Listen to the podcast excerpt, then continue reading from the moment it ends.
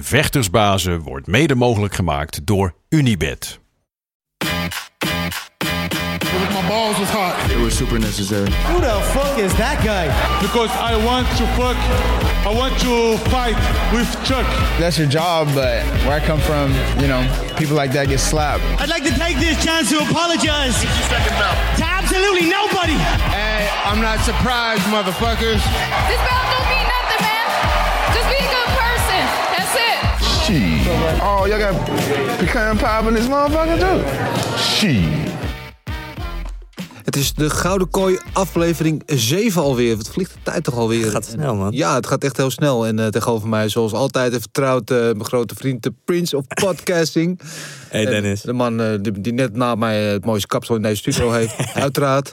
Sam, alles goed? Ja man, hoe is het met jou? Ja, het was een enerverend weekendje. Zo. Say the least. Het was met sporten ja, overgoten. Dat was een en al.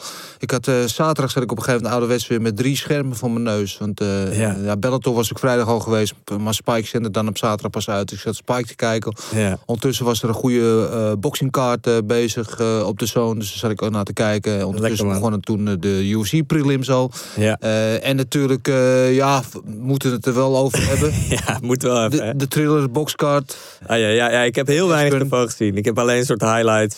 of ja, je kunt het ook een dieptepunt noemen. Heb ja. Ik gezien. Ja. Ja, ja, wat meer opviel misschien was het hele spektakel eromheen. Hè? De alle, ja. uh, alle optredens, Snoop Dogg, Ice Cube, Too Short, Black Keys, Justin Bieber. Het was, uh, maar ja. Hoeveel geld hebben die mensen daarin ja, gegooid? Insane. Dat hebben ze toch nooit eruit kunnen halen? Nee. Dat nee. kan toch niet? Dat kan me ook niet voorstellen. 50 dollar was het geloof ik, hè, die pay-per-view. Ja, hoeveel zou die verkocht zijn? Ja, nou ja, de schattingen nu al zijn dat ze ongeveer anderhalf miljoen verkocht hebben. Oké, okay, okay. Ja, dus dan kom je wel een heel eind. Dan kom je wel een heel eind, ja. Oké, ja, oké, oké. Maar goed, al die mensen moeten natuurlijk dik betaald worden. Ben Askren heeft ook nog een goede zak met geld gekregen. Uh, Jake Paul ook wel. Ja, ik geloof uh, dat ze zo... Uh, ben Askren gewoon 5 ton. Ja. En Jake Paul geloof ik 6,5 of zo om, om te beginnen. Dus nog zonder, zonder de rest erbij. Ja. Ja, nou, dat heeft zakcentje. In ja, ieder geval, uh, uh, ze, worden, ze werden niet per uur betaald, het was zo voorbij. ja. Links, rechts, het was voorbij. Maar uh, ja, ja, het was een afluiting, man. Ja. Enigszins teleurgesteld. Ja. Want Ben Askren toch dan in dit geval de vertegenwoordiger van de legit fight sport, hè, van het ja. MMA.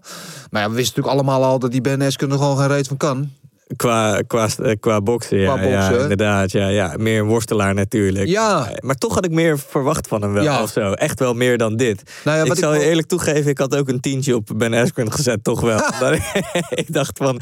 Ja, man. Ja, precies. Dus dat is weggegooid geld geweest. Ja. Maar uh, later weer goed gemaakt door, uh, door, door maar op Ajax te wedden voor de beker. Maar goed, dat, dat, is uh, dat is binnengehaald. Ja, nee, wat ik altijd hoop, je zag die filmpje van Ben Askren dat hij op de pads was, het sparren was. En het Ja. zag er zo slecht uit dat ik hoopte dat hij ons allemaal in het ootje nam. Dat, Dat hij dat ook. expres naar buiten bracht om Ja, te zien. En dat hij dan opeens heel goed bleek te zijn. en Zo. Maar ja, helaas, het is gewoon wat het was. En uh, ja. Precies wat je zegt. Ik, ik dacht ook, want hij is natuurlijk zo goed in het trollen van mensen en zo. Ik denk, hij zit ons allemaal in de zeik te nemen. Maar nee, Nee, dit was gewoon was wat het gewoon, was.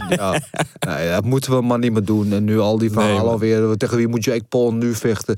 Gaat hij tegen Tyron Woodley, Conor McGregor? Als, je, nou, als je het mij vraagt, moet hij gewoon allemaal, moeten we gewoon niet meer doen. Maar Ja. ja, of zet hem gewoon tegen, Tegen een bokser. tegen een echte bokser. Precies, En dan eh, zullen we kijken hoe het dan afloopt. precies. Want Ben Askren, sorry, mm, ik schat mezelf niet al te hoog in, maar die had ik ook nog wel op zijn oog getimmerd hoor.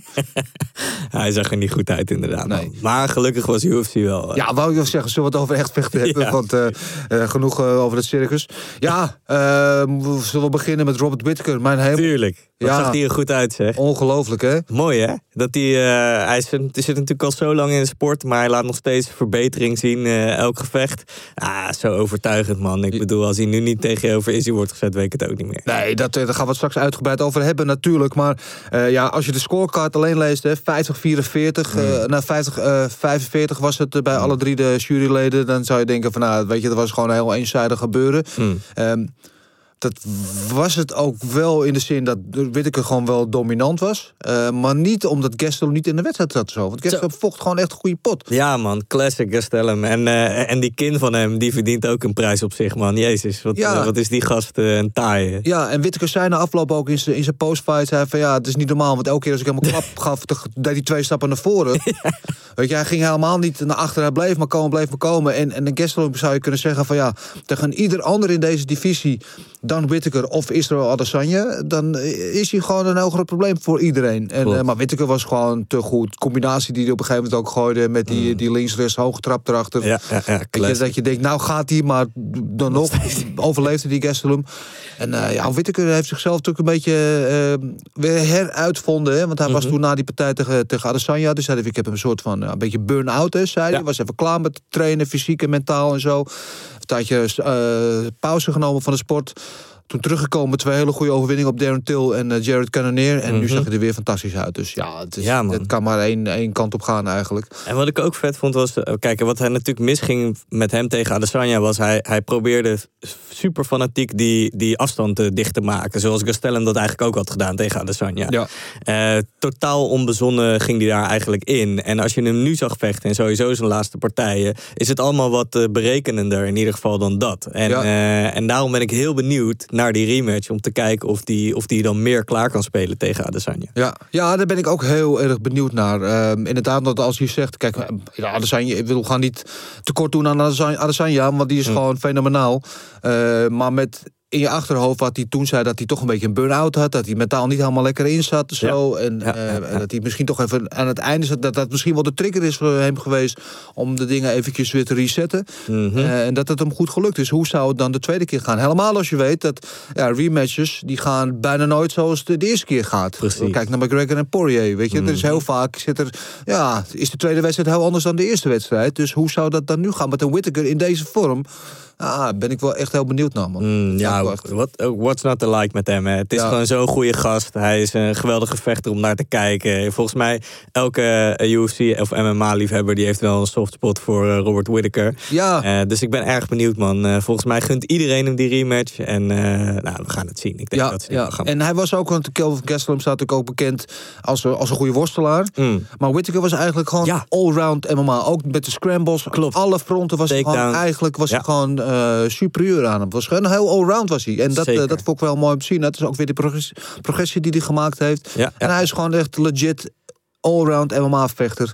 En Mm. eh, ja, een van de beste van de wereld. Klaar. Ja, was mooi om te zien, man. Was mooi om te zien. Ja. Wat jammer was, was Jeremy Stevens tegen Dorcar Close... dat dat niet doorging, man. Ja, ja, wat vond jij dan ervan? Dat hele gebeuren met, die, met het duw op die weging... en dat Mm. Ja. dan achteraf blijkt dat, dat Kloos niet kon vechten daardoor. Ja. Ja, kijk, het, het duwen op die weging, eh, gebe- het gebeurt vaker natuurlijk zoiets.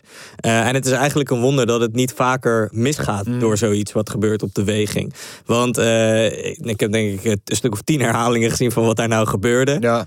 Kloos heeft natuurlijk ontzettend veel kritiek gekregen op het feit dat hij is afgehaakt. Hij had een statement naar buiten gebracht dat hij had migraine gekregen. Hij ehm, eh, was volgens mij ook heel misselijk. UFC had al wat, wat tests met hem gedaan en zo. Uiteindelijk bleek hij een hersenschudding te hebben. En, maar als je die, die eh, duw van Stevens ook ziet, Ja. je ziet echt even zijn, het hoofd van Kloos blijft zeg maar op dezelfde lijn. Maar Ja, zijn lichaam, gaat een soort mini ja. tekenfilmachtig. eh, ja. Precies. Dus, en eh, dat zal ook wel echt gebeurd zijn. Weet je, heel veel eh, fans die op social media reageerden van ja, dat, die, dat Kloos een pussy is, dat hij eh, onder het gevecht uit probeerde te komen. Maar ik geloof dat niet, man. Ik bedoel, die gast is professionele vechter. Nee, kijk, Eh, ja, er zitten ja. twee, wat mij betreft twee eh, eh, kanten aan dit verhaal. Hmm. Eh, Kijk, eh, niemand, kijk, hij, uh, Klooster zei, ik had had migraine, hij wordt misselijk en eh, weet je, hij, ze, ze voelde zijn hand niet meer. Iedereen die dat voelt, die zou nooit de kooi moeten gaan. Wat Nee. de reden er ook is, wat de oorzaak ook is. Ja. Als je het zo voelt op de dag van het gevecht, moet je gewoon niet vechten. Want dan moet je niet in de kooi staan eh, met, met een getrainde moordenaar. Klaar. Klaar. Dat is duidelijk. Eh, aan de andere kant, wat betreft Stevens, ja, er zijn nu heel veel mensen die eh, met de wolven meehuilen. Zeggen van Stevens, je mag nooit aan je tegenstander komen. Hij moet gekut worden. En dat, ja, kijk, tuurlijk. Feit, je moet nooit aan je tegenstander komen, helemaal mee eens. Dat had niet mogen gebeuren. Het gebeurt wel vaker. Eh, en laten we ook niet heel uh, dan de paus gaan, gaan lopen doen hier. We vinden het ook allemaal toch wel een beetje spannend. Weet je, dat Mhm. geeft toch net die extra edge. Het was over het algemeen op papier was het een vrij matige kaart. Het was vrij lauw. Mhm. En als er dan zoiets gebeurt, dan maakt het toch dat je denkt van, ah, ik heb wel heel veel zin in deze partij om te gaan kijken. Dus Klopt. al die mensen, kijk, hij had het niet moeten doen, klaar. En in dit geval pakt het slecht uit. Eh, maar je zegt, het gebeurt wel vaker. Ja. Ja, al die mensen die nu gelopen huilen van... eh, ja, hij moet gekut worden, hij moet eh ban. Ja, nee, Ja, dat nee, dat vind ik al veel te ver gaan. Hij had het niet moeten doen, het is onvertuinlijk. En eh, laten we hopen dat, dat het goed gaat met Draka Kloos. En dat ze die partij gewoon opnieuw kunnen boeken. Ja. Zin in de bij toekomst. ja, ik verwacht dat wel eerlijk gezegd. Ja, Maar we, we zagen wel weer Arlovski. Ja. En die zag er weer goed uit, hè? ja oude Vos verleert zijn streken niet. Ja, 42 is hij inmiddels. Ja, man. Eerste ronde eh, leek, leek voor Sherman, naar Sherman te gaan. Maar hij, was, zat er goed in. eh Arlovski, eh, knap. Vind ik echt knap om te zien. Ja, en hij, hij is een van de laatste overgeblevenen echt uit het oude MMA-tijdperk, zeg Mhm. maar. Als we terugdenken aan de tijd van, eh, van Pride en eh, Affliction, eh, weet je wel. Nou, Mhm. Hij had er niet bij Pride, maar bij Affliction. dat- Ja, wat voordat MMA is wat het nu is, zeg maar. Weet je, het- weet je, wat sommige mensen nog een beetje romantiseren.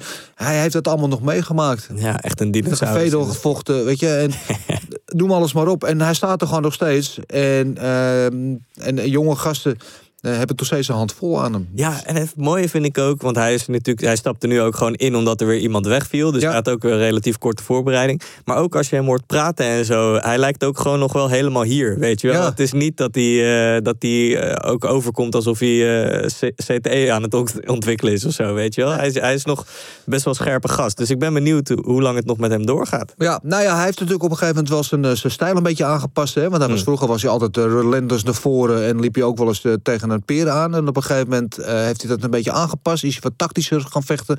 Wat Mm. misschien minder spectaculair, maar wel slimmer. En eh, blijkt dat hij dus op die manier nou, toch nog een langere houdbaarheidsdatum heeft. En hij is Ja. ook heel realistisch. Hij weet ook heus, hij gaat heus nooit meer voor die titel vechten.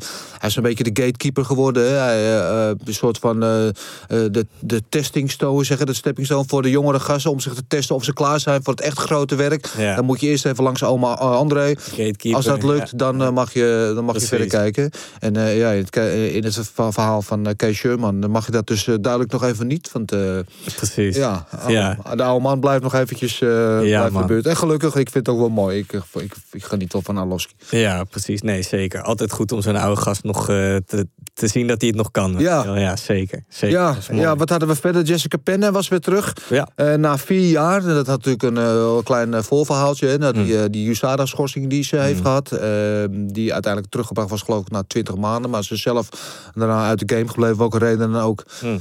Ehm, tegen de debutant uh, Loopy uh, Goodiness. Dat wil ik uh, Godiness, Godin- moet je waarschijnlijk zeggen. Ja, Ja, ja, loopy. Maar Loopy vind ik dan wel, wel leuk. Ja. Ehm, ja, goed voor Jessica Penn dat ze wint. Ik moet je heel eerlijk zeggen dat ik hem zelf de andere kant op had gescoord. Ik dacht Ja, dat Loopy eigenlijk gewonnen had. Ja, er waren een aantal eh besliss- jurybeslissingen waar je over kunt twisten. Ja. ja, ja. Maar goed, dat, dat blijft altijd onderdeel van het spelletje, toch? Ja. Ik bedoel, eh, volgens mij hebben we ook een luisteraarsvraag erover later. Maar, eh, Precies, daar komen we daar zo nog wel even over. Maar ja, ja, goed voor Jessica Penn in ieder geval dat ze weer, eh, weer terug is. En dat ze dan ook gelijk weer wint. Positief voor haar. Eh Gerald Meersaert daar was natuurlijk. geen beslissing nodig. Nee, geweldige sub. Ja, hij is natuurlijk een fenomeen op de grond, dat wisten we al. Ja, Maar ja, hij kwam natuurlijk terug naar die eh, vernietigende KO eh, tegen Kamzat. ja, ja. Eh, dus ja, goed dat hij zich dan op zo'n manier weer herpakt. Knap man. Eerste ronde toen weggegaan en nu eerste ronde zelf Submission. afgemaakt. Ja, en dat is ook fijn, want je kreeg alweer allemaal mensen die toen, tegen, toen hij inderdaad tegen Kamzat eh, neerging, die gingen roepen van ja, maar wie is dat dan? Wat voor pannenkoek? Nou, Ja. dit is. Hij Ja, deze is, eh, is legit, man. Die, eh, die heeft echt, echt goede assistenten. Misschien niet, niet top of the bill, maar zijn ground game is dat zeker wel. Eh krijgt de Performance of the Night bonus. Dus eh 50 G's, baby. ja, Voor hem ook. En natuurlijk Whittaker Gastelum krijgen Fight of the Night. Dus ook Ja. voor hun een mooie bonus. En, Ja. eh, Hey, heb jij genoten van The Violent Bob Ross, of niet? Nou, alleen, kijk, om te beginnen, het is echt mijn favoriete nickname in de hele game. Ja. Van Bob Ross en misschien eh, eh, gevolgd door eh, Crochet Boss. Dat vind ik ook heel top. Ja. Maurice Green. Maar ja, Final Bob Ross geweldig met dat, eh, met dat woeste rode haar. Ben je? Ja, was een goede pot. Ook weer een split decision, overigens. Eh, Iets te zelfverzekerd, hè, af en toe. Hij leek een beetje nonchalant. eh, hij is een beetje cocky, maar dat ja. maakt hem ook wel weer leuk om naar te kijken. Want hij, hij heeft een vrij Fabank-stijl van vechten, alles of niets. Ja. Hij gaat er vrij, vol in altijd. Klopt. Eh, ja, ik, ik, mag ik mag hem altijd wel, wel graag zien. Dus eh, Ja, hij zag er goed uit. Ja, fijn dat hij hem wel heeft gewonnen. Want ik dacht nog even, hij gaat het nog lopen verkloten eh, aan het eind. Ja. Maar eh, hij pakte hem wel gewoon. Een split decision. Had denk ik eh, makkelijk een unanimous decision kunnen zijn... als hij de hele tijd scherp was geweest. Maar hij zei zelf ook al na die partij van... eh, eh, hij heeft, eh, het lag, is tien maanden eruit geweest of zo. Hij moest in die eerste ronde ook gewoon eventjes... ja, zijn voeting weer vinden. ja, Precies, ja. dat, dat zei hij inderdaad achteraf. En ja, dat Ja. lukte uiteindelijk goed. Mooie, leuke pot was het in ieder geval om naar te kijken. En dat vond ik ook van Tony Gravely Mm. eh, tegen Birchak. Die vrij furieus begonnen allebei. Maar uiteindelijk hele goede... Goede KO van, eh, of TKO moet ik zeggen, van, eh, eh, van Gravely. Die Ja. kreeg ook een performance of the night. Eh, dus nou, dat is voor hun allemaal. Want die gasten die op die undercard vechten, die, Precies. die niet zoveel. Dus die Hey, wat gebeurde er nou in die partij? Je moet me even helpen. Romanov heet hij volgens mij. Ja, die in ja, in zo. ballen werd... die vond ik wel, zeg maar. Ja, maar ja, het is ook een raar. Wat was het nou? Een technical eh, split decision. Ja, dat is een technical decision. Dus dat wil zeggen, als de partij over de helft van de tijd heen is... en er Ja. gebeurt iets eh onvertuinlijks, zoals bijvoorbeeld dit... dat de vechter niet verder kan, of een eye-poke of dergelijke... eh, dan gaan ze naar de scorecards tot dan toe. Ja. Als het dit bijvoorbeeld in de eerste ronde was gebeurd... dan was het een no, dus no contest geworden. Mm. Maar als de partij op een gegeven moment... en dat is volgens mij als het voorbij... De, als het een drie rondes voorbij anderhalve ronde is of zo... of een, voorbij twee ronden... dan gaan ze gaan kijken naar de scorecards wat tot, tot dan toe is. Hm. En dan maken ze op basis daarvan eh, hebben ze een beslissing. Dat is wel interessant, want eh, bij de eerste twee rondes had ik het gevoel dat ze allebei eentje hadden. En toen Ja. gingen ze die derde ronde in. Nou, toen gebeurde dit. Eh, en sowieso gebeurt niet vaak dat een partij dan ook wordt gestopt na een eh groin strike, zeg maar. Vaak dan nemen ze even die pauze en dan gaan ze wel Ja. weer door. Maar dit Ja. was, ja, hij bleef liggen. Ja. Eh, ja, goed. Volgens mij Dominic Cruz, die eh, in de commentator booth zat, die had een beetje glimlach op zich gezicht van ja, als hij blijft liggen, dan krijgt hij misschien wel de beslissing zijn kant op. Ja, En eh, had jij het idee dat, dat hij dat aan het doen was, Romanov? Of, of niet? ja, weet ik niet. Wie zal het zeggen? Dat weet Romanov alleen zelf. Ja. Eh, het was een vrij curieus moment in ieder geval. Ik weet wel, maar hij werd wel echt volgeraakt namelijk hoor. Het was niet zo van hij, hij is een eh, Oscar aan het eh, proberen te verdienen. Ik geloof echt wel dat hij pijn had. Want ik zat thuis op de bank en ik voelde hem ook. Hoe heette die gast nou, die, zijn tegenstander, die, die hem in zijn knieën gaf? Zijn ballen gaf. Ja, is- Romanov tegen een Latijns-Amerikaanse naam. ja. Nou ja, goed. Maar want wat, dat was ook het ding. Dat die, eh, die gast, die was wat ouder. En die Espino, begon- ja. Espino, ja. En die begon op zijn, eh, op zijn tandvlees te lopen. Ja. En eh, dat had ook nog een soort tactisch dingetje kunnen zijn. Ja. Van ik, ik, ik knie hem gewoon even in zijn ballen. Nou ja, hebben we even pauze. En dan kan ik daarna weer die ronde doornemen. Dus in die zin is het dan ook wel weer prettig dat die gast niet gewonnen heeft. Want anders Ja. dan was het al helemaal raar. was het al raar. Ja, was ook een split decision weer overigens. Ja, dat ook ja, ja. van... Ja, ja, ja. zijn we het allemaal even over eens? Ja. De juryleden in ieder geval niet. Dat blijkt in ieder geval uit eh, hoe ze het gescoord hebben. Ik vind wel weer leuk dat er, dan gebeurt er toch weer zoiets wat, je, wat ik, in ieder geval nog niet eerder had gezien eh, in de sport. Weet je wel, er gebeurt elke keer wel weer iets waarvan je denkt van, oh shit, dat, dat kan ook Ja, natuurlijk. ja, ja. ja. nou, gelukkig hopen dat Romanov in ieder geval... eh, eh, weer een kinderen kan maken, Nog ja. kan lopen. En inderdaad, dat eh, de kinderfabriek het nog doet daar beneden. Eh, ja, en voor de rest... eh, ja, het was, eh, soms hebben van die kaarten... eh, oh, dat je op papier denkt van het valt wel mee. eh, en dan blijkt die heel leuk te zijn. En, Mm. en, en vice versa. Nu was het... Overal het was een redelijk... Het was Prima, niks ja. spectaculairs. Maar het was... eh, ja, Decision Fest ook. Mhm. Wel veel split decisions, maar weinig, eh, weinig eh, finishes. Ja. Waarbij die van Whittaker tegen Gastelum natuurlijk uh, torenhoog erbovenuit eh sprong. En die maakte wat mij betreft de hele avond sowieso meer dan goed. 100%. Ja, dat was gewoon echt een, een masterclass van uh, Zeker, zeker weten. Zullen Ja. we naar de luisteraars We gaan naar de luisteraarsvragen. Alright. Ik zou, zou zeggen, trap maar af, eh, Sam. Alright. IJzer de Boer via Twitter. Is Izzy next voor Whittaker en wat betekent dat voor Vittori? Nou ja, we hebben het al gezegd, of ik, ik heb het nu ook al tien keer gezegd. Ik denk zeker dat Izzy next is voor Whittaker. Ik vind dat ze die partij echt moeten maken. En wat het voor Vittori betekent, ja, Dennis, ik denk volgens mij zei jij dat vorige keer ook. eh, misschien gewoon alsnog tegen Til doen. Ja, kijk, de grote verliezer van het weekend is denk ik Darren Till. Mm. Eh, want die was na vorige week, na Holland tegen Vittori, was hij misschien wel de grote winnaar door niet te vechten. Mm. Omdat Vittori niet echt overtuigde tegen, tegen Holland. Dacht van nou, Till zit in die pole position misschien wel eh, voor de title shot. Ook omdat Izzy heeft gezegd dat hij dat gevecht zelf ziet zitten. Dus dan gaat in een, in een, in een draagstoel daar naartoe. Eh, nu is hij misschien wel de grote verliezer, omdat Whittaker zo overtuigend heeft gepresteerd. En Vittori zat ook in de zaal, je zag hem. En die camera ging heel vaak naar hem toe. En je zag ook een soort van berusting op zijn gezicht. Alsof hij zelf ook wel wist van, ja, Ja. dit, is, dit is het niet. Dit gaat hem niet worden van mij. Dus ja, inderdaad, eh, als Whittaker eh, next is voor Izzy, wat mij eh, logisch lijkt. Althans, sterker nog, ik eis dat hier op deze plek. Dat moet nu gewoon gebeuren. Zeker. Ehm, dan is eh Til tegen Vettori is eh, alsnog gewoon de meest logische. Ja, Ja. Ja. ik heb ook wel zin in die beelden op. Ze hebben wat dingetjes tegen elkaar Ja, het niet precies. nu ook weer allemaal dingen. Nu zelfs nadat die wedstrijd niet doorging, waren ze nog met elkaar bezig. Dus eh, Til tegen Vettori. Vettori tegen Brunson hadden we ook al gezegd. Zou ook een hele goede zijn. Mhm. Brunson tegen Til. Ja, dus zijn in die, nu zijn er best wel wat mogelijkheden. Als ze nu weten, nou dit is de route die we gaan. Precies. Dan wordt de rest ook wel wat duidelijker, denk ik. Dus eh, is hij, eh, ja, zeker eh, next voor Whittaker wat ons betreft, eh eisen. Mhm. Dan krijgen we Marcel. Marcel via Insta. Ehm, een aantal discutabele decisions weer.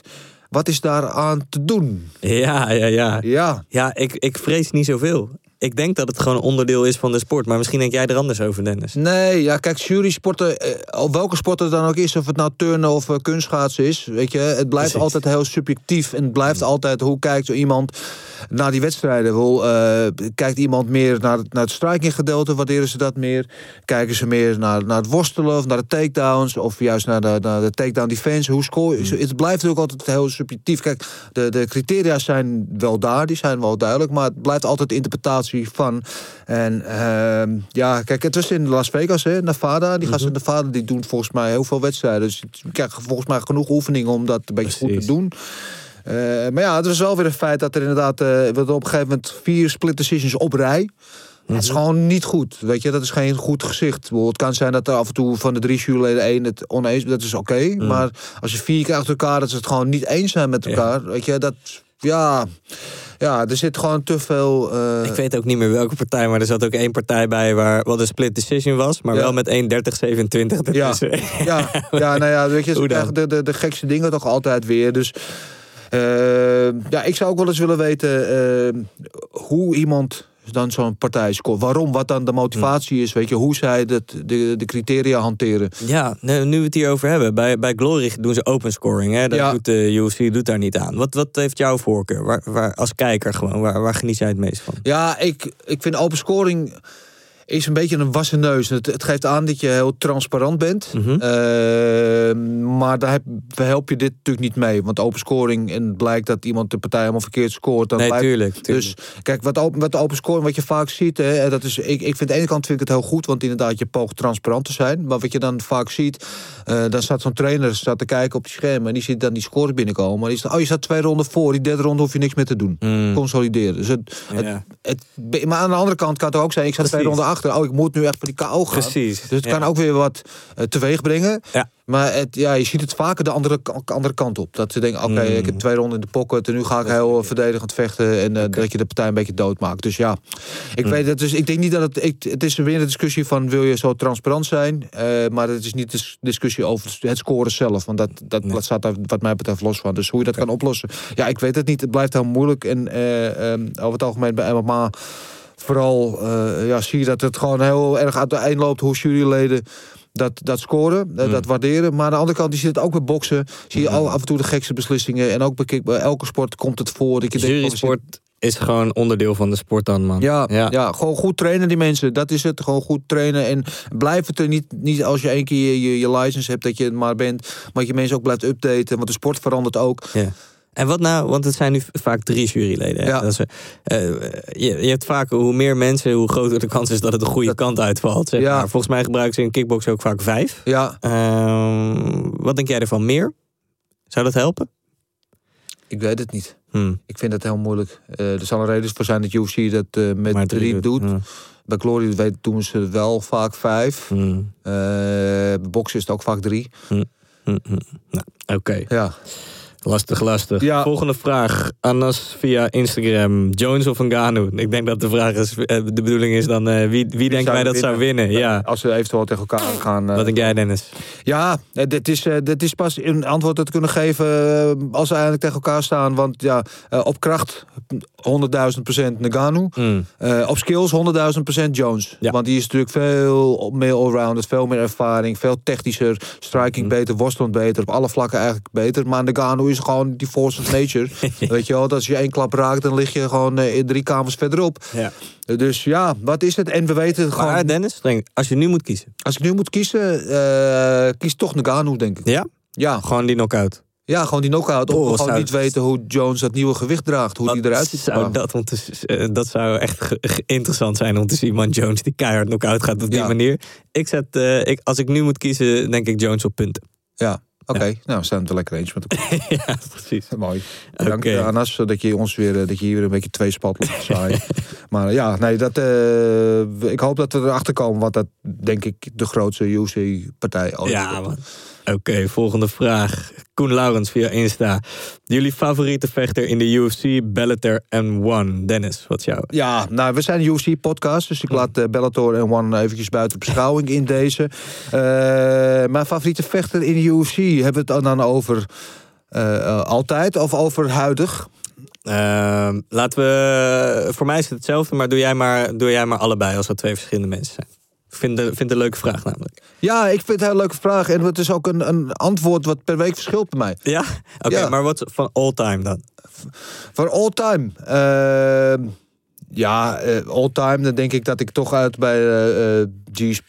Mm. Mhm. Ik denk dat dat, Classic, eh, ja. ja, Ja, dat is gewoon eh, een van de grootste die, die het altijd hebben. Teruggekomen. Mm. Dan die middleweight eh, titel gepakt. Altijd de gentleman. Ja. Nooit gekke dingen. Altijd keurig. Altijd respectvol. Als we Eh, verliezen, heeft hij wraak genomen. Ja, ja, ik denk dat dat wel. maar het is altijd die, die, die discussie: wie is nou de GOAT? Is het Mm. John Jones? Eh, John Jones, zeker een van de allerbeste die het ooit gedaan heeft. Maar hij heeft ook een hoop gekke dingen gedaan. Wat misschien een beetje van zijn glans afhaalt. Eh Mighty Mouse, natuurlijk misschien wel technisch de allerbeste die het ooit gedaan heeft.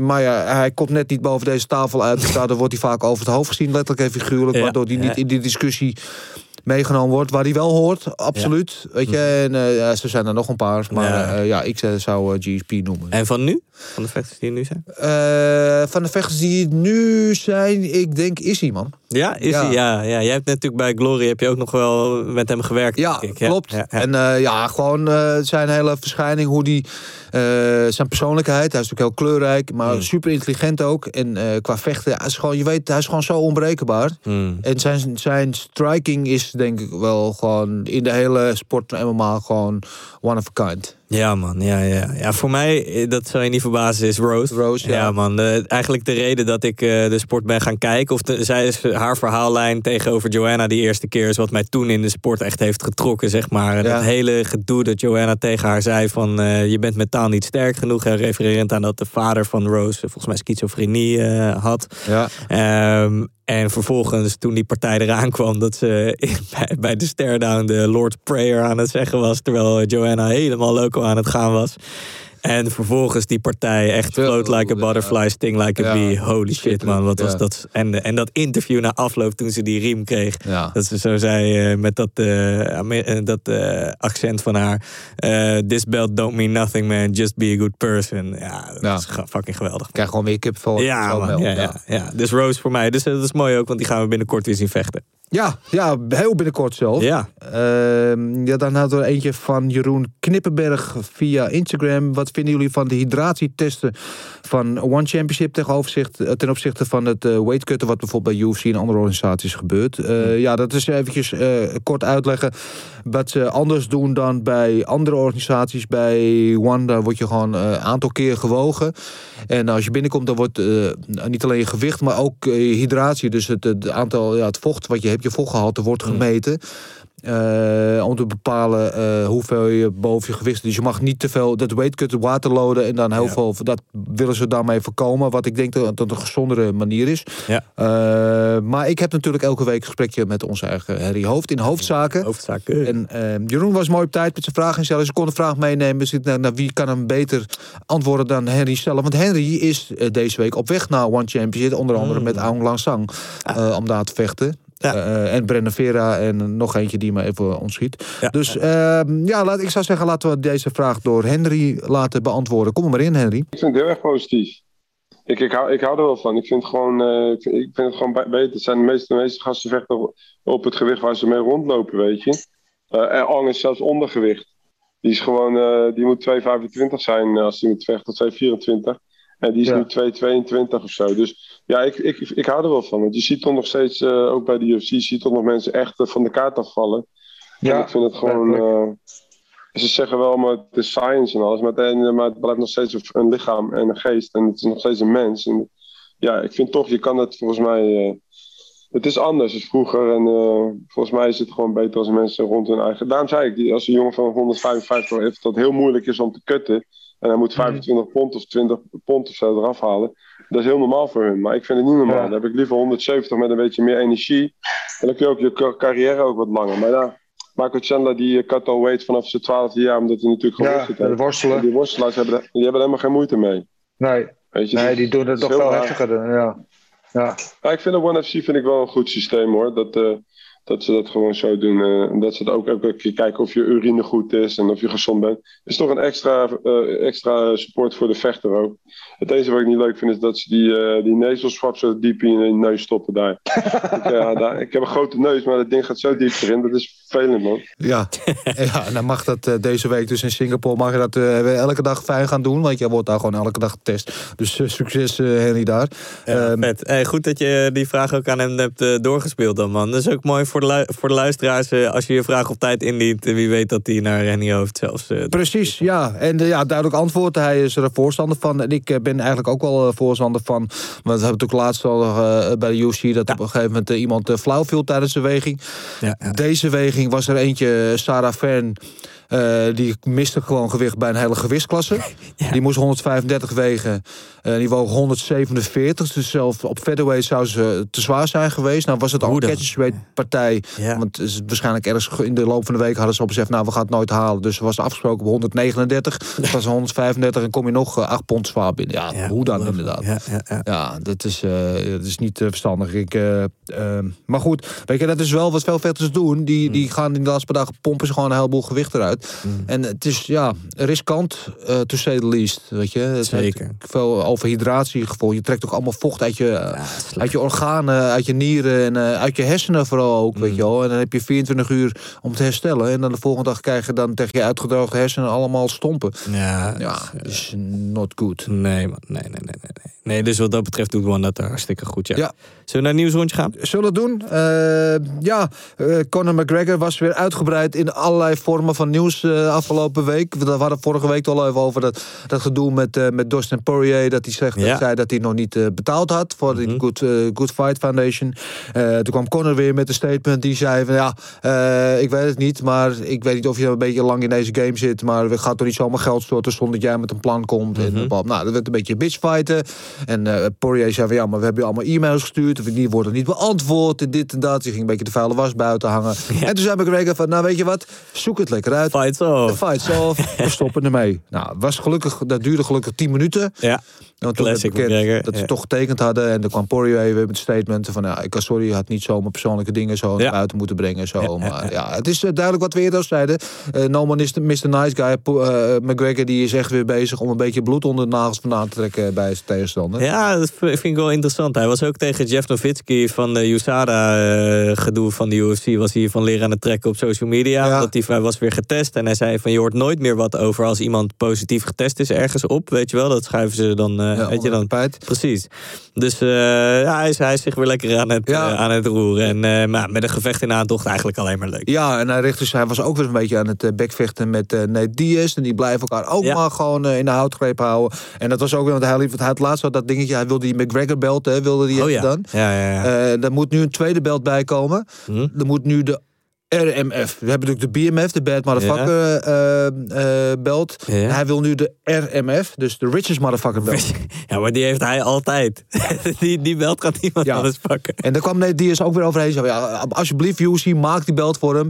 Want eh, McGregor die heeft het kennelijk nodig voor zijn zelfvertrouwen. Want hij is een beetje onzeker. Dan Geef hem alsjeblieft de belt. Dan kan die jongen ook weer met opgeven over, eh, hoofd over straat. Dus eh, nou ja, het is genoeg om weer over te lachen. Ja, man. Ja. Ja, En eh, eh, Francis Ngannou en Tyson Fury eh, zaten ook een beetje elkaar eh, uit te dagen op eh, social media. Hè? Dat gaat Ja. een beetje heen en weer. Op zich wel ja, logisch. Hè? Voor Ngannou zal daar ooit heel veel geld mee te verdienen zijn... als hij ooit zo'n bokspartij gaat Tuurlijk.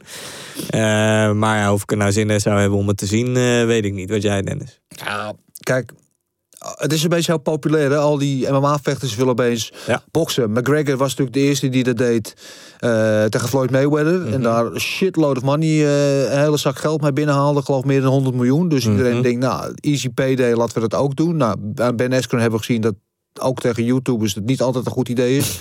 Eh Anderson Silva gaat natuurlijk straks boksen. Weet je, er zijn meer gasten die dat allemaal nu willen. Ja. Maar het is wel echt een ander spelletje. En, en, en dan heb je het ook nog niet al gewoon over een bokser. Tyson Fury is gewoon de heavyweight champion of the world. Ik vind dat hij gewoon bij far de beste heavyweight Hmm. bokser is van het moment. Eh, Geweldige technische bokser, geweldig Maar voetenwerk. Ngannou gaat hem niet raken, toch? Nee, ik denk dat, ik denk dat eh, eh, Fury die trekt hem helemaal uit elkaar.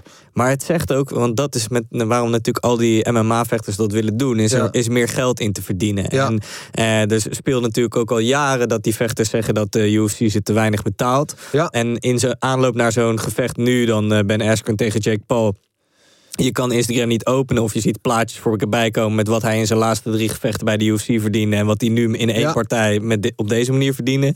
En dat, dat, dat, dat is wel een PR-technisch, is dat wel iets slechts voor de UFC Ja. ook, weet je wel. En eh, ik ben benieuwd of ze daarin meegaan. En de enige manier om dat natuurlijk tegen te gaan is als die MMA-vechters gewoon eh, naar proportie betalen. betaald gaan worden. Ja. Ja. Ja. En dat in, met John Jones speelt natuurlijk nu al. Waarom die graag elke week weer terugkomt, is omdat we nog steeds niet weten: gaat die partij überhaupt te komen Nee. tegen Ngannou?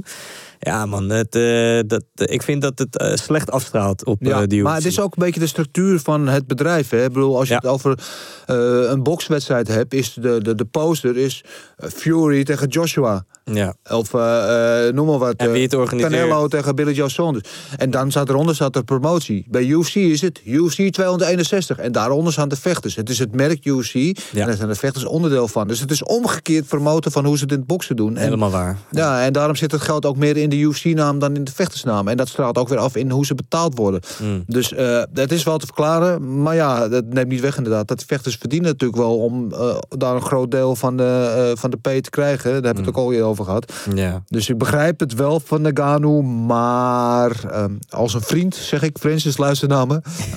Van vriend tot vriend niet doen. Ik zou. Ik zou nog even wachten. Eerst nog eventjes die eh, UFC Legacy uitbouwen. En op een gegeven moment, als dat een paar jaar, als dat stevig staat. Je hebt net maar de titel gewonnen.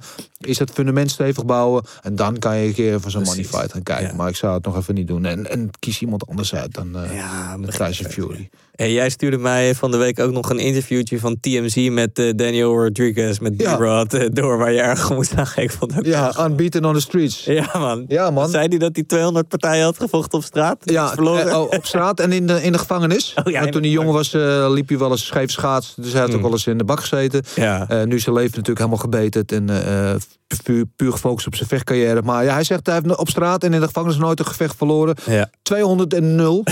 ja, dat is een aardig record. Aardig record, ja, Of ja. het officieel, het staat niet eh, bij Sherdog, eh, is dat niet terug te vinden in de database. Maar ehm het is wel een, eh, wel een aardig record. En hij zei ook dat, hij, dat het alle lessen die hij had geleerd op straat, eh, dat hij dat ook meenam in de kooi. Dat het een betere vechter maakt, al die ervaringen zo. Wat ik dus wel, wel begrijp. En eh, dat hij ehm, een straatgevecht enger vindt dan een gevecht in de kooi. Want in de kooi heb je regels en op straat niet. Nee, nee ja, dat is, begrijpelijk. Move over eh, Masvidal. eh, Ja, zo. Ja. D-Rod. Even kijken, wat hadden we nog meer voor nieuws? Ehm, Ja, Oesman, eh, die, die gaf aan dat hij nog actief wil blijven. Hij heeft natuurlijk al nog gevochten tegen Burns. Vecht, volgende week vecht hij tegen Masvidal. Ja. En, maar desondanks wil hij dit jaar nog twee keer vechten, minimaal. Hmm. Eh, dus dat eh, is op zich goed nieuws voor de divisie. Dat Ja. betekent dat de divisie lekker in beweging blijft. Helemaal goed, ja. Ja, Ja, niks mis mee, ja. En eh, nou ja, dus dat is goed nieuws uit die divisie. Wat ik ook wel opmerkelijk vond, is, we hadden het net al over MMA-vechters die gaan boksen. Ja. Dat Eddie Alvarez en Oscar de la Hoya dus in gesprek zijn met elkaar voor een mogelijke partij. Ja, wie de fuck zit daarop te wachten, dacht ik dan. Ja ik weet niet, heb je eh, De La Hoya zaterdag gezien? eh, terwijl hij, zat bij Trullen, zat hij Nee, commentaar. ik heb wel gehoord dat hij klonk alsof hij flink aan de kook Ja, zat. volgens, ja, volgens mij was hij laveloos. of high, of allebei. Hij was zeker niet nuchter. Dat- Van die waterige ogen zat hij ook. Dat zat- Ja, ja, ik denk, ja, zit je daar op live televisie. Misschien is het ook wel part of the gimmick hoor. Want Trill is ook een beetje allemaal lossig. En, eh, en, en, en moet een beetje spannend en wild zijn allemaal. Ja. Maar ja, De Hoya, 49 is hij inmiddels, bijna 50. Eh, gaat na 14 jaar weer zijn comeback maken. En hij gaat deze week gaat hij bekendmaken tegen wie. En maar eh, Eddie Alvarez had alvast verklapt. Ze zijn serieus in gesprek. ja. En eh, hij overweegt serieus ook om het te gaan doen. Want eh, hij heeft ook net dat eh, geval gehad met die DQ. Daar was ze mee bezig zijn om dat om te draaien. En hij zei ook dat hij eh, eh, volgende maand waarschijnlijk, of deze maand, in ieder geval binnen een paar weken vliegt hij weer naar Singapore. Gaat hij meteen weer vechten. Hij zei, want ik heb zo'n onbevredigend gevoel overgehouden aan die wedstrijd. Ik wil dat gelijk weer rechtzetten. Eh, en hij wil natuurlijk die titel. En eh, Christian Lee is daar de kampioen in zijn divisie. En die eh, wordt vader. Dus je heeft gezegd dat hij waarschijnlijk een tijdje eventjes afstand neemt van de sport. Dus dat betekent dat die divisie eventjes op slot gaat. Dus als dat gebeurt, dan heeft Eddie Alvarez gezegd... ja, dan wil ik wel een potje boksen tegen... Even een zak geld ophalen. Nou, Oké, het is hem wel gegund. Ja, en hij komt uit Philadelphia, Philly Strong. Dus het zijn de Thai boxers over het algemeen. Hij zegt, Rocky ook, toch? Niet? Was Rocky was ook ja? Philadelphia. Ja, Ja, toch? 100 Ja. procent. Ja, ja. 100% En eh Bernard eh, Ho- Hopkins natuurlijk. Mm. Ehm, dus hij zegt, hij traint ook al lang met, met profboxers in Philadelphia. Dus nou, ik ben benieuwd. Ah, ja, Hij zal het beter doen dan Ben Askren in ieder geval. Dat is ding wat zeker. Ja, dat is zeker. Ja, ja, ja. Maar wie niet? ja. Ehm, ja, dan nog eventjes Ketak Pliev. Geen UFC natuurlijk, maar wel onze BMF. Mm. Dus vriend van de show. Die gast die zijn vinger verloren. En dan gaat hij zijn vinger verloren inderdaad. Die is vorige week weer begonnen met trainen. Met kapotte vinger. En niet. gewoon weer volle bak MMA aan het trainen. Want hij, eh, ik had natuurlijk vorige week gesproken... Ja. 100% overtuigd dat hij die rematch wil tegen die gozer die hem zijn vinger gekost heeft. En dat hij hem gewoon knock-out wil slaan. Dat is, hij is echt puur gemotiveerd. Maar ondertussen eh, buiten de gym ook bezig geweest om die, dat resultaat eh, eh, te veranderen, zeg maar. Want hij kreeg een verlies, hij kreeg een TKO-verlies. Hm. En hij vond het onterecht, omdat wat hem wat aangedaan de schuld was van zijn tegenstander. Ja. Dat is hem gelukt. Dat is nu omgedraaid naar een no decision. Oké, Dus het is in ieder geval een verlies van zijn record af. precies. Ja, Ja, ja. hij wint hem niet, maar hij verliest hem ook niet. Ja, ja, ja. Oké, nice, nice. Oké, zullen we een beetje gaan matchmaken? Ja, zullen we dat doen? En volgens mij hebben we onze grote vriend eh, Marcel Dorf ook al in de, eh, in de wacht hangen. Dus dan zullen we die er gelijk bij betrekken. Tuurlijk. Die heeft ook wel wat over te zeggen volgens mij altijd. Zeker. Marcel, ben je daar? Ja, ik ben er. Hey, hoe is het? Goed, met jullie? Ook goed. Ja, ben je, een beetje, ben je door het weekend heen gekomen, Marcel? Ja, ging wel, man. Dacht het wel, hè. Uh, eerste prijsje gepakt, dacht ik zo, hè. Ja, Dus, eh, dat is ook weer een mooie. Gisteren over voetbal gesproken. Ja. Dat zit aan ons kant. We waren daar ook wel blij mee. Ja, man, zeker, zeker. Ja, en, eh, en voor de rest je weekend zat je ook net als ik met, eh, met drie schermen tegelijk afgelopen zaterdag. Ja, ik heb uh, dingen heb niet gekeken, um, hoe heet dat, Thriller. Dat- Ik heb wel de, de highlights gezien, maar ik heb niet live gekeken. Dus ik heb alleen uh, UFC op gehad staan. Ja. Dus, ja. dat is wel een goede keuze geweest waarschijnlijk. Ja, wat was je overweging, Marcel, om het niet te gaan kijken? Nou, weet je, ik, eh, sowieso s'nachts heb ik niet zo, meestal niet zoveel zin om te zitten, te zitten kutten met, uh, met technologie en alles. Dat je twee schermen op hebt en daar een stream en daar iets en daar wat, weet je. Dus Mhm. ik hou meestal gewoon op één, uh, op één scherm. En dan moet je proberen om niet in slaap te vallen. Dus dat was al een hele, op, hele moeilijke ding afgelopen zaterdag. Want die kaart die trok zo lang. Het was geen slechte kaart, maar het trok het half acht of zo. Ja. Dus ja, het was wel een, een issue om, om, uh, om wakker te blijven, moet ik eerlijk zeggen. Dat heb ik al lang niet meer gehad. Ja, dat was een lange zit inderdaad, ja. Oké, okay, laten we gaan matchmaken. Nou, eerst Whittaker. Wij hebben eigenlijk al bij al gezegd... die partij tegen Izzy moet gemaakt worden. Marcel, denk jij er ook zo over? Of heb jij een ander idee ja, voor? Volgens mij wel. ja, volgens mij denk ik daar ook zo over, ja. Ja, het is helemaal, helemaal geen kwestie. Ook wat jou betreft, we zeiden net al inderdaad van... Uh, want uh, Adesanya wilde zelfs het liefst tegen Til. Dat was in ieder geval een tijdje geleden zo. Uh, en, en Til leek na vorige week ook wel de beste papieren te hebben... na de well, gematigd positieve performance van eh eh Vittori. Ja. Maar ja, dat is inderdaad... eh, dat was wel gewoon een visitekaartje, toch? Daar ben je het toch met me eens, Marcel, van eh Whittaker? Ja, 100 procent man. En sowieso, ja, ik, zei vroeger ook al van als hij van, eh van Gastelum wint, ja, dan is er gewoon niet onderuit te komen om die rematch te maken. Nee. Precies. En over Gastelum ge- gesproken, wat, wat zullen we met hem gaan doen? Ja, eh Gastelum al qua ranking verandert natuurlijk niet zoveel met hem. Want hij nam deze partij natuurlijk een vrij last minute. Mhm. En hij heeft gewoon, weet je, kan je niks op afdoen op zijn performance. Whittaker was gewoon de betere man. En eh, wat ik net al zei, ik denk ieder anders dan Whittaker of Adesanya... eh, heeft een grote kans om te verliezen van Gastelum. Wat dacht je van eh, Whiteman en Hall vechten dit weekend tegen elkaar? Ja. Om de verliezer van die partij tegen Ja. Gastelum te zetten. Ja, of waarom niet de winnaar van die partij? Ja, die winnaar zal misschien omhoog willen kijken. Mhm. Maar eh Gastelum staat nu 8, Hol staat nu 9. Mhm. Dus stel dat Hol wint, zou dat een hele goede zijn. Alles daarboven is eh, misschien lastig. Hermans het vecht tegen Sebastian natuurlijk eh, binnenkort.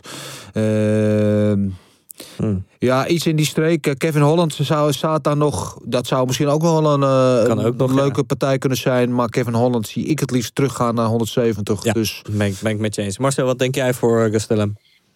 Ja, Hall of Whiteman eh, heeft hij allebei al een keer tegen gevochten. Hall heeft hij toen van gewonnen bij de Ultimate Fighter finale. Whiteman heeft hij van verloren. Hmm. Dus ik denk dat hij graag tegen Whiteman zou vechten, mocht Whiteman van Hall winnen. Ehm, ik denk ook dat dat, ook al zou Whiteman verliezen, ik denk dat dat eh, de partij zou zijn, eh, Whiteman tegen Gastelum. Ehm, Hall, als Hall wint, denk ik dat hij liever een, een partij hoger heeft dan een Gastelum, die nu één, punt, die één ranking boven hem staat. Maar ik verwacht dat als Hall eventueel wint, dat hij over Gastelum heen gaat. Dus ik zou Gastelum Whiteman doen. ja, ja dat eh, lijkt me ook. En eh, eventueel anders, wat de mensen en eh Sebastian zijn tegen elkaar geboekt. De verliezer daarvan. Zou ook nog kunnen, ja. ja. Ja. Oké, en Arlovski, hè, de oude Vos. Tegen wie zullen we hem gaan zetten? Marcel, trap jij deze af? Ja, dat, is, dat, dat vind ik echt moeilijk, man. Omdat, kijk, Arlovski is. ehm, eh, hij, hij doet het vooral. Hij doet het nog wel aardig als je hem tegen een, een mindere vechter zet, zeg maar. Maar als hij tegen, toch tegen de, de, de, de meer established vechters komt en tegen de nieuwe, nieuwe garde, heeft hij toch wel moeite vaak. Dus ja, ik, ik zou hem misschien wel tegen een Alexei Olin- Olinik zetten, Ja, denk ik. ik Twee oude, eh, oude strijders. Vind ik een goeie, ja. Ja, Ja. dat vind ik ook wel een mooie inderdaad. En als je bedenkt dat hij nu dan inderdaad toch een soort van de gatekeeper is geweest. Hè, want eh, de vorige wedstrijd was natuurlijk tegen Espinal. En toen over, over zei hij in zijn interview achteraf... dat hij na die wedstrijd bang was dat hij ook gekut zou worden. Net als, als Overeem en, en Dos. Santos. Ja. Eh, dat is niet gebeurd, dus dat betekent dat Dana White toch nog wel eh, muziek in hem zit, ziet. Eh, dat zal er ook mee te maken hebben dat hij waarschijnlijk een stuk minder verdient dan, dan Overeem. Hmm. Dat hij nog even mag blijven. Maar ja, hij is zo inderdaad een beetje de gatekeeper voor de jonge gasten. Dus wat dat betreft, alleen ik zou mooi zijn voor ja, de, de twee oude gasten inderdaad. Of de oude gasten bedoel ik met alle respect. Ja, ja. Maar de oude strijders. Veteranen, ja. En Spivak? Zijn dat dan? Ja, Spivak zou, eh, of eh, misschien inderdaad eh, Ivanov, die we Hmm. natuurlijk zaterdag zagen. Dat zou, want die vond ik met name de eerste ronde wel, wel vrij aardig voor de dag komen. Hmm. En die range, en als je verder kijkt wat in de, in de top 15, eh Arlovski zelf niet eens gerankt, maar ja, Pavlovic bijvoorbeeld, Ivanov. Pavlovic kan ook nog, ja. Ik bedoelde Romanov trouwens net, naar Ivanov zou dan dat ook kunnen. Oh ja, ja, ja. Oké, cool. Eh, even kijken, we, voor voor wie zullen we nog meer een tegenstander bedenken? Ja, ik eh, zat te denken aan eh, eh, eh, Tracy Cortez. Hmm. Natuurlijk eh eh wel de goede overwinning. Alhoewel, Marcel, jij was, eh, was... Zat zij bij een van de split decisions die waar je het niet mee eens was? Je was het met een hoop dingen oneens volgens mij zaterdag. Ja, klopt. Maar Cortez had ik wel 2-1, 29-28. Dus daar Ja. had ik niet zoveel problemen mee. Ehm wil je nu weten wie ik, wie, ik- tegen wie ik haar wil hebben? Ja. Ja. Zo, wat- Ja. Ehm, Ja, vind ik, eh, dat is ook een moeilijke, man. Tracy Cortez zit nog net niet in de top 15. En eigenlijk, zeg maar, de bottom van de top 15 zijn allemaal geboekt op dit moment.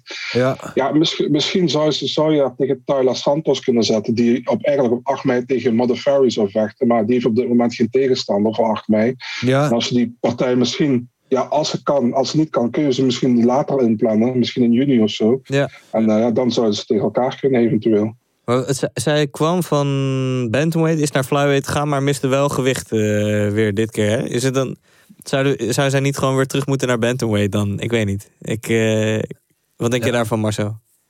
Ja, half pondje. Hè? Dat was uh, one- 126.5. Ja, dat was dus 0.5. Dus ja, vind ik moeilijk, man. Kijk, eh, je hebt ook eh, Herbert Burns, die heeft ook behoorlijk zijn gewicht gemist de vorige keer. Die gaat ook weer gewoon op featherweight vechten de volgende Ja. keer. Dus ja, ik zou voor een 0.5 zou ik niet echt meteen zeggen van eh, eh, wegwezen, weet je, uit de divisie. Als het, als het een groter verschil was geweest, zoals een, eh, zoals een Sarah Fairn. Nou ja, wat heb je op 145, weet je, krijg je meteen een title shot.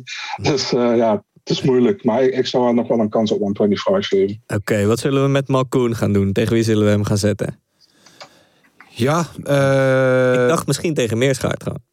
Ja, dat zou een, wel een hele goede zijn, inderdaad. Ja. Eh, Meers gaat natuurlijk ook eh, goede overwinning gehad de afgelopen Precies. zaterdag. En eh Malkoen eh, eh, herstelde zich ook goed. Mhm. Eh, want veel mensen hadden toch verwacht dat hij eh, aan het eh, korte eind eh, zou trekken. Volgens mij was hij ook eh, eh, de underdog in deze partij vooraf. Mhm. Weet ik even niet zeker uit mijn hoofd. Maar eh, ja, het deed goed. Dus tegen Meerschaat zou wat mij betreft helemaal, helemaal prima kunnen zijn. Wat denk jij, eh, Marcel?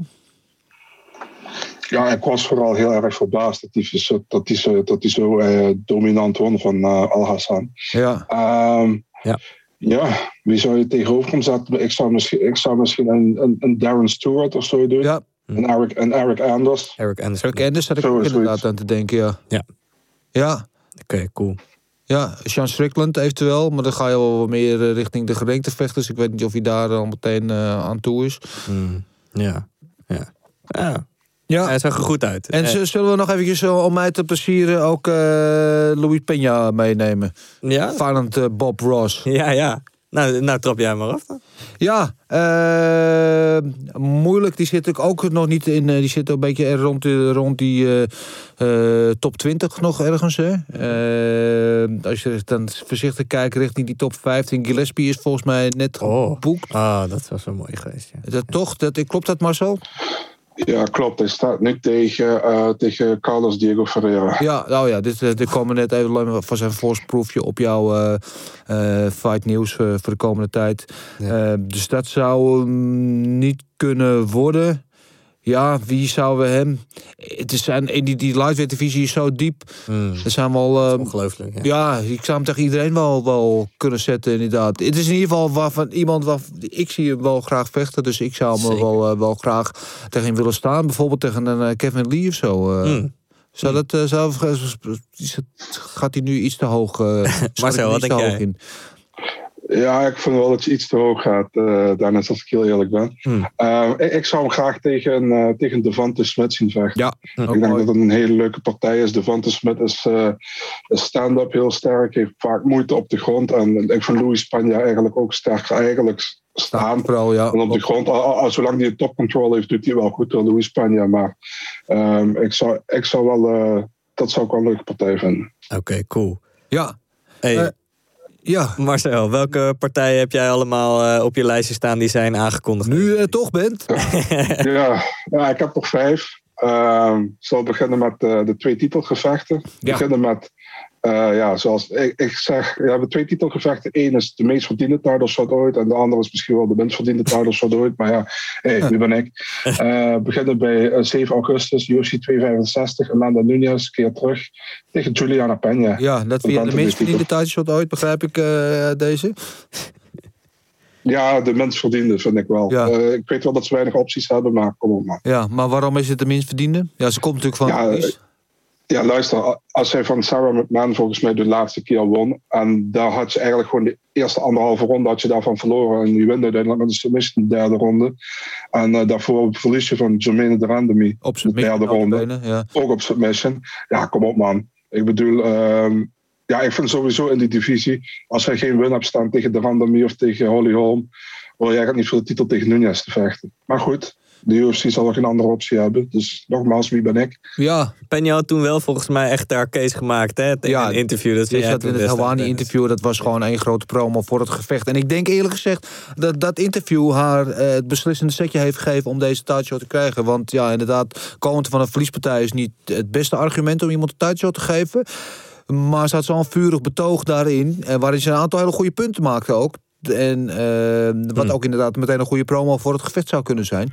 Hmm. Ja, dat UFC waarschijnlijk heeft gedacht, ja, waarom niet? We hadden natuurlijk zelf gehoopt op, eh, op Shemane. Tuurlijk. Eh, maar ja, Helaas. die heeft was natuurlijk, eh, natuurlijk nog heel recent op, op, de, op 135 tegen, tegen Nunes gevochten. Dus misschien dat ze dat niet meteen weer opnieuw Nee. zouden willen doen. Ja, Oké, Ja. Marcel. En wat is dan de meest verdiende title shot? Ja, volgens mij Glover Teixeira tegen Jan Blachowicz op 4 september. Ja, mooie partij. ja. Polish Power tegen Supergelover. Ja, man. Zin in. Ja, ja mooi. We- Benieuwd naar ook hoe dat gaat.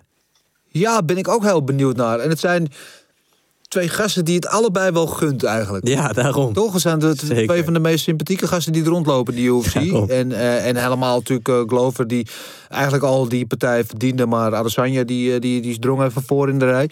Eh, dus die stond al in de wachtkamer. En gelukkig wachten ze niet heel lang meer. Want die heeft natuurlijk niet het eeuwige leven meer. Nee, precies. Die is geloof ik ook nu 42. Ja, zoiets, ja. Dus eh, ja, mooi man. Mooi. Ja, en ik eh, ben zeker. heel benieuwd naar hoe die wedstrijd zal gaan. Maar het zal wel spectaculair worden, denk ik. Nou, dik verdiend inderdaad, eh, zoals je zei, Marcel. Wat, wel- welke partij heb je nog meer op je lijst staan? Ik heb er nog drie. Eentje wat eh, net al werd aangehaald. eh 8 mei. Lightweight gevecht tussen eh, Carlos Diego Ferreira en Gregor Gillespie. Ja. Ja, sick. Dat is een mooie partij. Zeker een mooie partij, ja. Ja. Ja, zeker weten. Heb- Hebben we ook nog op 5 juni. Een partij wat ik heel mooi vind is eh, Santiago Ponzinibbio tegen de ongeslagen Miguel Baeza. Ja, Ah, mooi. Ja. 5 juni, mijn verjaardag, man. Dat is een mooi cadeautje. mooie dag. Ja, Pontennier zag er natuurlijk goed uit de laatste keer eh, dat, hij, dat hij weer vocht. Ja, cool. Ja, zeker. Ja, ik ben, eh, ja, als het je verjaardag is, ik ben benieuwd wat daarop als main event komt. Maar dat is nog altijd niet bekend trouwens. Dus Nou, ben Ja. ik benieuwd. We gaan zien. eh, een week later, eh, Drew Dober, Brad Riddell, UFC Ja. 263. Ja, Mooi. ja, het is wel mooi. Ja, eh, Riddell natuurlijk laatst moeten afzeggen ook vanwege die COVID. eh Mhm. Dat was tegen Gillespie toch, volgens mij, die wedstrijd die doorging. Ja, Yes. volgens mij. Ja. En, eh en Drew Dober natuurlijk, ja. Makachev, Die, die, die inderdaad eh van Makachev verloor. Kansloos. Ja, Maar wel kan ja, gebeuren tegen, tegen zo iemand. staand eh, wel een van de betere eh, in de divisie, eh, denk ik. Ja, mooie partijen. Mooie partijen allemaal. Zullen we gaan gokken? Gokken op knokken. Ja, nou, dit is wel eentje waar, we, waar, je, waar je af en toe denkt van afgelopen weekend was een kaart waarvan nou, van tevoren denk van wow, het, het zal wel. Deze dit is eentje, daar heb ik nu al de wekker voor gezet. Zo, dit is een, dit is een kaart, man. Niet Ja, normaal. man. eh, UFC 261 Mm. in de vet, wat is het, de 5-star Veterans Arena in Jacksonville, zeg ik het goed, Marcel? De Five Star Valorant Memorial Oh, Arena. Memorial, sorry. Bijna goed. Eh, in Jacksonville is het publiek is terug in UFC. Dat laten we Ja, daarmee beginnen. Dat is eigenlijk al de main event eh, van deze show. 15.000 mensen weer. In Florida, ja, ik Florida. ben benieuwd, man. Het dak gaat eraf, hoor. Met Oesman, of eh Masvidal ook. Dus ja, dat wordt, eh wordt gekke huis. Ja, dat wordt echt, echt een vette pot. Eh, ja, drie titelgevechten. Hmm. Eh, laten we daar eh, het, het gok op doen. Maar voor de rest inderdaad, eh, wat je net zei... Uriah Hall tegen Chris Weidman. Anthony Smith tegen Jimmy Crute. Nou, dus, dus- er is zoveel moois te zien op die kaart. Ja, wordt Eh, genieten. dus het wordt eh, Echt van genieten top to bottom gewoon weer genieten, denk ik. Maar laten we beginnen met de main event. Eh, Kamaru Oesman tegen Jorge Masvidal. Een rematch. Kampioen tegen de nummer 4. Hmm. Ja, dik ja, eh, ja, ja, favoriet natuurlijk Oesman. Drie, min 361 tegen plus 285. En het is wat mij betreft is dat niet meer dan terecht dat die odds zo hoog liggen voor Oesman hierin. Ja, nee, eh, denk het ook. Kijk, eh, eh, iedereen die een, beetje logisch nadenkt, gaat natuurlijk zeggen: Oesman gaat dit op een beslissing weer pakken. Waarom zou het anders lopen dan de, dan de vorige keer, Ja. zeg maar. Toen, eh, maar toen Masvidal natuurlijk een wat kortere aanloop had dan dit keer. Ja. Dus, maar ja, die odds maken het ook wel interessant, toch? Als je een gokje wil wagen. Dat maakt het wel interessant. Het maakt maar het maakt het alleen interessant als je denkt dat er ook een kans is Ja. dat die dat die mogelijk is, dat die kan winnen. Want anders ben je gewoon geld aan het weggooien. eh, ja, Ja. Ja. Kijken dat- jullie die eh, Fulltime Fighter eh, afleveringen van eh Masvidal? Hè? Dat eerst achter een paywall, nu gooit hij ze allemaal op YouTube. En het is een soort embedded serie die eigenlijk zijn leven volgt, zeg maar. ja, daar ben ik nog niet naartoe gekomen. Hij is wel heel serieus bezig met het, met het worstelen en tegen de kooi aangeduwd worden en kijken hoe die er dan uitkomt, et cetera. Moet ook wel natuurlijk. Ja, Ja, ik ga een gokje nemen. Ik ga een gokje nemen. Ehm, gewoon ook om het even spannend te maken, toch? Masvidal, knockout derde ronde. Masvidal nog. Ja, oké. ja. Als er een- vies gezicht. Ja, nee, ja, het is meer een beetje ongeloofwaardig gezicht. Maar nee, als er een manier is voor Masvidal om te winnen, dan moet hij het inderdaad op KO gaan doen. Ja. Ehm dan zie ik het trouwens op één lijn met, eh, met Big Mike. Big Mike Passanier, die Hmm. eh, bij onze panel-uitzending ook eh, voor Masvidal koos. En denkt dat hij, nou, natuurlijk, als het over straatvechten hebben, zijn straatvechttrucjes gaat aanwenden Hmm. om wat onvoorspelbare dingen te doen en daar Oesman mee gaat verrassen. Ik wilde eer, nu eerst aan jou laten, Marcel, om jouw voorspelling te doen voordat ik mijn plasje erover ga doen. Ja man, als het een street fight was, 100% Masvidal. Maar het is een MMA-gevecht, dus we gaan 100% voor Oesman. Ja. Ehm, ja, ik zie geen verschil in de eerste partij, man. De- de- die, die, eh, die, dat fabeltje wat was gegooid van hij heeft maar zeven dagen voorbereiding gehad. Masvidal heeft twee maanden voor die partij gezegd van Oesman tegen Burns toen van er gaat, waarschijnlijk gaat Burns uitvallen. Dus ik ben allemaal aan het voorbereiden om eventueel in te vallen. Dus ehm, nee man, Oesman 100%. Ik denk ook dat hij een finish zelfs ground and pound in de tweede of derde ronde. Ja. Ja, ik zit op jouw lijn ook, eh, Marcel. Want ik, eh, ik vind het heel bewonderenswaardig van Sam dat hij denkt: ik ga een gokje wagen. Eh, ja, hij is dus nog een jonge gozer. Hij weinig financiële verplichtingen. Dus dan kan je af en toe ook onbezonnen met je geld omgaan. Maar ik denk in dit geval echt dat het weggegooid geld is. Want als je naar Kamara Oesman kijkt, is zijn laatste wedstrijd ook tegen Gilbert Burns. natuurlijk net die overstap gemaakt naar Trevor Whitman. Echt ook stand-up. eh, ja, was natuurlijk al goed. Maar echt weer een, een. Hij heeft het naar, naar next level genomen. Hoe hij met die jab werkte en ook met die southpaw jab. Denk ik dat hij beter is dan de vorige keer dat hij tegen Masvidal vocht. En eh, dat hij nog beslissender zal gaan zijn. Want de vorige keer was het inderdaad ook gewoon 50-43 of zo uiteindelijk. Hè. was eh, vrij dominant. En ik denk dat hij nu nog dominanter gaat zijn. En ik ben bang inderdaad dat het wel weer naar een finish zou gaan. Dus ik, zeg, ik ga ook voor een TKO voor Kamara Oesman. En jij zegt, eh, wat, wat zei je eigenlijk, wat, tweede of derde? Ja man, tweede of derde ronde. Tweede of derde. Ja, ik zal, ik zal eh, derde ronde zeggen. Derde ronde. Nou, Dan pak ik vierde ronde. Masvidal is natuurlijk wel een taaie. Die gaat er niet zomaar uit. Maar eh, ja, jij denkt dat Oesman knock-out gaat. Maar Flying niet derde ronde, jongens. Oesman eh, is volgens mij het laatste keer dat... Ja, ja. niet acht seconden deze keer. Nee. Nee, precies, derde ronde. Ja, de laatste Komt keer dat Oesman knock-out is gaan is geloof ik in eh, 2013 of zo, toch? Dus dat is al in ieder geval heel lang niet gebeurd. Ah, jullie gaan het zien, jongens. Ja, ik, ik ga ook voor Oesman en dan TKO op vierde ronde. Sorry Oké, Sam, man. maar take all your money. Ja, toch. Weili Zhang tegen Rose. Ja, Ja, man. Hey, Zhang favoriet? Ja, logisch. Ja. Misschien ook wel na een la- Ja. laatste partij. Als kampioen, eh, min 195 eh, voor de favoriet. eh Roos Nam- Namajunas. De underdog op plus 155. Eerste gerankt Nam, eh, Namajunas. Ja, dit is wel wat mij betreft de partij waar ik het meest naar uitkijk. Ja, man. Ja, ik, ik- kijk, ik snap dat de UFC vooral eh Masvidal en Oesman pusht natuurlijk. Op de posters groot en zo. Maar voor, voor mij is dit ook de partij. En niet alleen omdat Rose eh, erin zit, wat natuurlijk mijn favoriete vechter is. Maar eh Weili Zhang, haar laatste Ja. partij. Ja, kom op, man. Ik Ja. bedoel, hoe kan je dat niet Die pushen tot de tegen max? Joanna, man? wat, was wat mij betreft Fight of the Year eh, eh, vorig Zeker jaar. weten, man. Ik weet nog, ik was toen een weekend weg met mijn vriendin in Portugal. Toen zette ik eh, zondagochtend die partij aan. Nou, we hebben Gezellig romantisch weekendje. ja, precies. We hebben ademloos zitten kijken naar die partij. Jezus, wat was dat eh, intens. Maar wie gaat hem pakken, Dennis? Wat denk jij? Ja, ik vind dit een hele moeilijke. Ik ben toch geneigd om te denken uh, Wei Lee. Hmm. Uh, zij heeft gewoon in de laatste wedstrijd laten zien dat ze uh, uh, gewoon relentless is. Continu. Wel die wedstrijd tegen Joanna, waar Joanna ook een wereldpot volgt. Maar hmm. gewoon de drugs blijft opvoeren, blijft opvoeren, blijft opvoeren. Ze blijft maar komen. Ze zit gewoon continu in je gezicht. En uh, het is ook groot voor het gewicht. Weet je, ze is best wel uh, stevig. Baft, ja. ja. Uh, dus ik denk dat zij fysiek uiteindelijk uh, uh, de meerdere gaat zijn van Rose.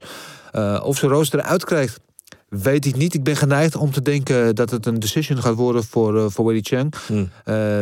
maar wel een, een, een all-out, action-packed fight. En dat ze uiteindelijk gewoon de decision pakt na vijf ronden. Ja. Marcel, wat denk jij? Ja, ik vind het eigenlijk wel een heel, heel, heel leuk gevecht, leuke matchup qua stijl ook. Omdat je um, Rose Namajunas, als ik kijk naar de laatste partij tegen Jessica Andrade, waar ze uh, die split decision won, daarvoor verloor ze met KO. Toen was ze heel erg goed eigenlijk in die partij die ze met KO verloor. Hmm. Uh, die tweede partij had ze erg veel last van uh, dat ze terugviel qua, qua snelheid, haar cardio, vond ik in de derde ronde. En uh, Weili Zhang, zoals we hebben gezien, heeft daar totaal geen probleem mee eigenlijk. Die, die blijft gaan, vijf rondes lang. Mm. Hebben we tegen Joanna gezien. En uh, maar ja, aan de andere kant, Roos heeft ook die submission threat, weet je. En je weet niet, ik weet nog altijd niet hoe goed Weili Zhang op de grond is. Weet je? Ze heeft wel van, van een Jessica Aguilar gewonnen met de submission, maar tegen de echte top heeft ze eigenlijk nog niet tegen. Kijk, tegen Joanna ga je niet op de, ga je niet op de grond komen. Want Joanna is een, eigenlijk gewoon een kickboxer. Ja. Ehm, over, uh, omgeturnd MMA vechten, dat wel natuurlijk. En Jessica Andrade, dat was zo snel. Dat was volgens mij binnen een minuut was dat klaar. Dus als er een kansje voor Rose zal op de grond zijn, verwacht ik. Maar ik verwacht dat Weili Zhang uiteindelijk de, haar cardio te goed is. En dat ze te sterk is over vijf rondes. Dus ik ga wel voor een, uh, voor een duidelijke decision win voor uh, Weili Zhang deze hoop. Alright. Ja, ik, ik hoor jullie, ik hoor jullie. En ik ben, uh, ik ben ook als de dood voor Weili Zhang. Maar uh, ik kan het... moet Roos kiezen. Precies, ja, ik kan het niet over mijn hart verkrijgen. ik ga voor een submission win van Rose in de vierde ronde gewaagd. Ja, het, zou, het zou zomaar kunnen. Het wordt in ieder geval het feit dat we nu al zo over deze wedstrijd praten. Dit wordt gewoon een banger. Het kan niet anders. Tuurlijk. Een beetje de antics. Hoe dan ook. Hè, wat uh, ja. Rose natuurlijk weer uh, allerlei dingen had gezegd in het interview over het communisme. En dat hij met, met, met, een 30 ging. Ja, dat hoeft voor mij ook weer niet. Nee, maar het gebeurt er wel weer extra laagje aan en zo. En, uh, die juist weer heel, heel respectvol sprak. Niks dan respectvol altijd. Ja, ja, ja, precies. Maar goed, ja. Volgende titelgevecht. Shevchenko tegen Andrade. Ja, de kampioen uh, Shevchenko natuurlijk al hmm. dominant in die divisie al tijdenlang. Uh, nog zwaarder favoriet in dit gevecht. Nog zwaarder, ja, niet normaal. Drie, min 367 tegen plus 285 favoriet. Uh, er zijn dus maar heel weinig mensen die denken dat Andrade hier gaat winnen. En toch, gezien de odds, ben ik hier wel geneigd mm. om een uh, kansje te wagen en geld op Andrade te zetten. Mm. En dat uh, baseer ik meer op het feit dat uh, Shevchenko's vorige partij tegen Maya, mm -hmm. was vond ik er niet super overtuigd. Had ze toch vrij veel moeite met, met Maya, die Mm. natuurlijk heel goed op de grond is ook. En het Andrade is dat ook. Die is natuurlijk naar beneden gegaan. In de vorige wedstrijd tegen Kukagic zag ze er, zag ze er gewoon goed uit. dus ik zie hier wel een route tot naar succes uh, mm. voor uh, Jessica Andrade. en die, die route ligt via de grond. Die gaat via de grond. Mm. dus ik denk dat als hij daar het gevecht eventueel zou kunnen gaan controleren... dat ik haar wel een goede kans mm. Welke ronde? geef. Uh, ik weet niet of ze het in zich heeft Hmm. om een submission te maken. Ik denk dat ze hem gewoon uit gaat grinden. Dus ik denk dat ze hem gewoon naar een decision grind. Maar Ja. ik uh, kies hier. Ga ik, ga ik een gokje wagen? Ja, ja, zeker, ja. Ga ik hier voor uh, Jessica Andrade. Cool, cool. Marcel, wat denk jij? Ja, gast, ik ben gewoon saai wat dat betreft, weet je. Ik, uh, ja, ik, ik, ga weer, wederom voor de, voor, voor de favoriet in deze. Kijk, als ik een beetje het idee had dat ik dacht van uh, de, de, de, de underdog kan, kan hier winnen. Ja, kan wel, maar ik zie het niet gebeuren, man. Ik denk dat Shevchenko ook uh, gewoon te sterk is overal voor Andrade. Ik denk dat Andrade bijvoorbeeld er wel uh, one punch KO, kijk, dat kan altijd. Ze heeft die power. Ja. En uh, ik vind dat de ground game van Shevchenko echt underrated is, weet je. En, en Andrade is toch iemand die liever staat dan dat ze hem naar de grond haalt, heb ik het idee. Um, ik denk dat Shevchenko gewoon afstand houdt, vijf rondes lang en dat ze een decision wint. Oké, okay, ja. Ja, Shevchenko is natuurlijk ook... Weet je, ik, ik ga hier ook puur voor de odds. Shevchenko is natuurlijk ja. een fenomeen op alle, alle fronten. En ik ben het met je eens, Marcel. Ik denk dat haar ground game inderdaad underrated is. Ja, nou ja, ik ga ook naar, naar gokjes met Masvidal en, um, en Rose ook al een beetje. Ga ik, uh, dus speel ik deze ook op veilig. Uh, ik, Shevchenko op beslissing uh, ga ik voor. Shevchenko op beslissing? Ja. ja. Nou, we gaan het allemaal zien. We gaan het zien. Zin in. Echt Ja, man. Dit wordt, dit wordt wel weer leuk. Ja. Wat, uh, wat een mooi avondje. En uh, wat ik zei, die hele, die hele kaart uh, top to bottom is eigenlijk... ja, what's not to like, man. drie mm. titelgevechten achter elkaar. Het wordt wel een lange zit. Dat dan weer wel. Maar voor de rest staan er alleen maar partijen... denken, oh ja, die is leuk, die is leuk, die is leuk. Mm. het gaat echt maar door. Dus ja, wel weer een lange kaart. Ik geloof ook 15, 15 partijen, alles bij elkaar. Mm. Dus het wordt een lange zit ook, Marcel, voor jou. Ja, inderdaad. Ja, dus uh, misschien nog een middagdutje doen uh, zaterdagmiddag. En dan gaat het allemaal wel goed komen. Zeker. Oké, okay, hey, ja. Marcel, bedankt weer. Ja, graag gedaan. Ja, dankjewel. Geniet van je vrije dag nog. Ja, man. Hey, en ja, trouwens, jullie ook. Dankjewel Marcel. En voor de luisteraars ook die uh, nu aan het einde van deze podcast zitten. Dennis was uh, afgelopen week de gast bij Elite Pauper, de podcast. Heeft uh, podcast duurt twee uur geloof ik. Ja, ja. Maar het, was, het is echt heel vet en mooi om te luisteren. Dus check dat ook nog even als je meer over Dennis Als je nog, nou, nog meer van mij wil luisteren. Ja, ja, ik vond het heel leuk om bij, bij, bij Freek, bij Elite Pauper in de podcast te zitten. Dus ja, dankjewel nice. Sam. Hm. Ja. Oké, okay, dat was hem dan voor deze week. Ja, dat was hem weer. En ook nog voor alle onze luisteraars. Met alle vragen die jullie hebben. Of het nou gaat over de matchmaking. Of over de resultaten. Of over wat dan ook. UFC gerelateerd, zeg ik er wel bij. Stuur even een mailtje naar info.vechtersbazen.tv. Of uh, stuur even een berichtje via de DM's op uh, Instagram of op Twitter. Yes. Dat was hem weer. Dat was hem weer, man. Mazzel. Later. Everything is possible in your life when you believe. I'm not God or none, but I just baptized two individuals back to back. You, you know, they're, they're selling you all wolf tickets, people. You're eating them right up. Just give me location. Every day I send Dana White message. Hey, where's my location? Hey, pussy, are you still there? I wouldn't like to do that fight again. Oh, Go around there, where's the fine ass at?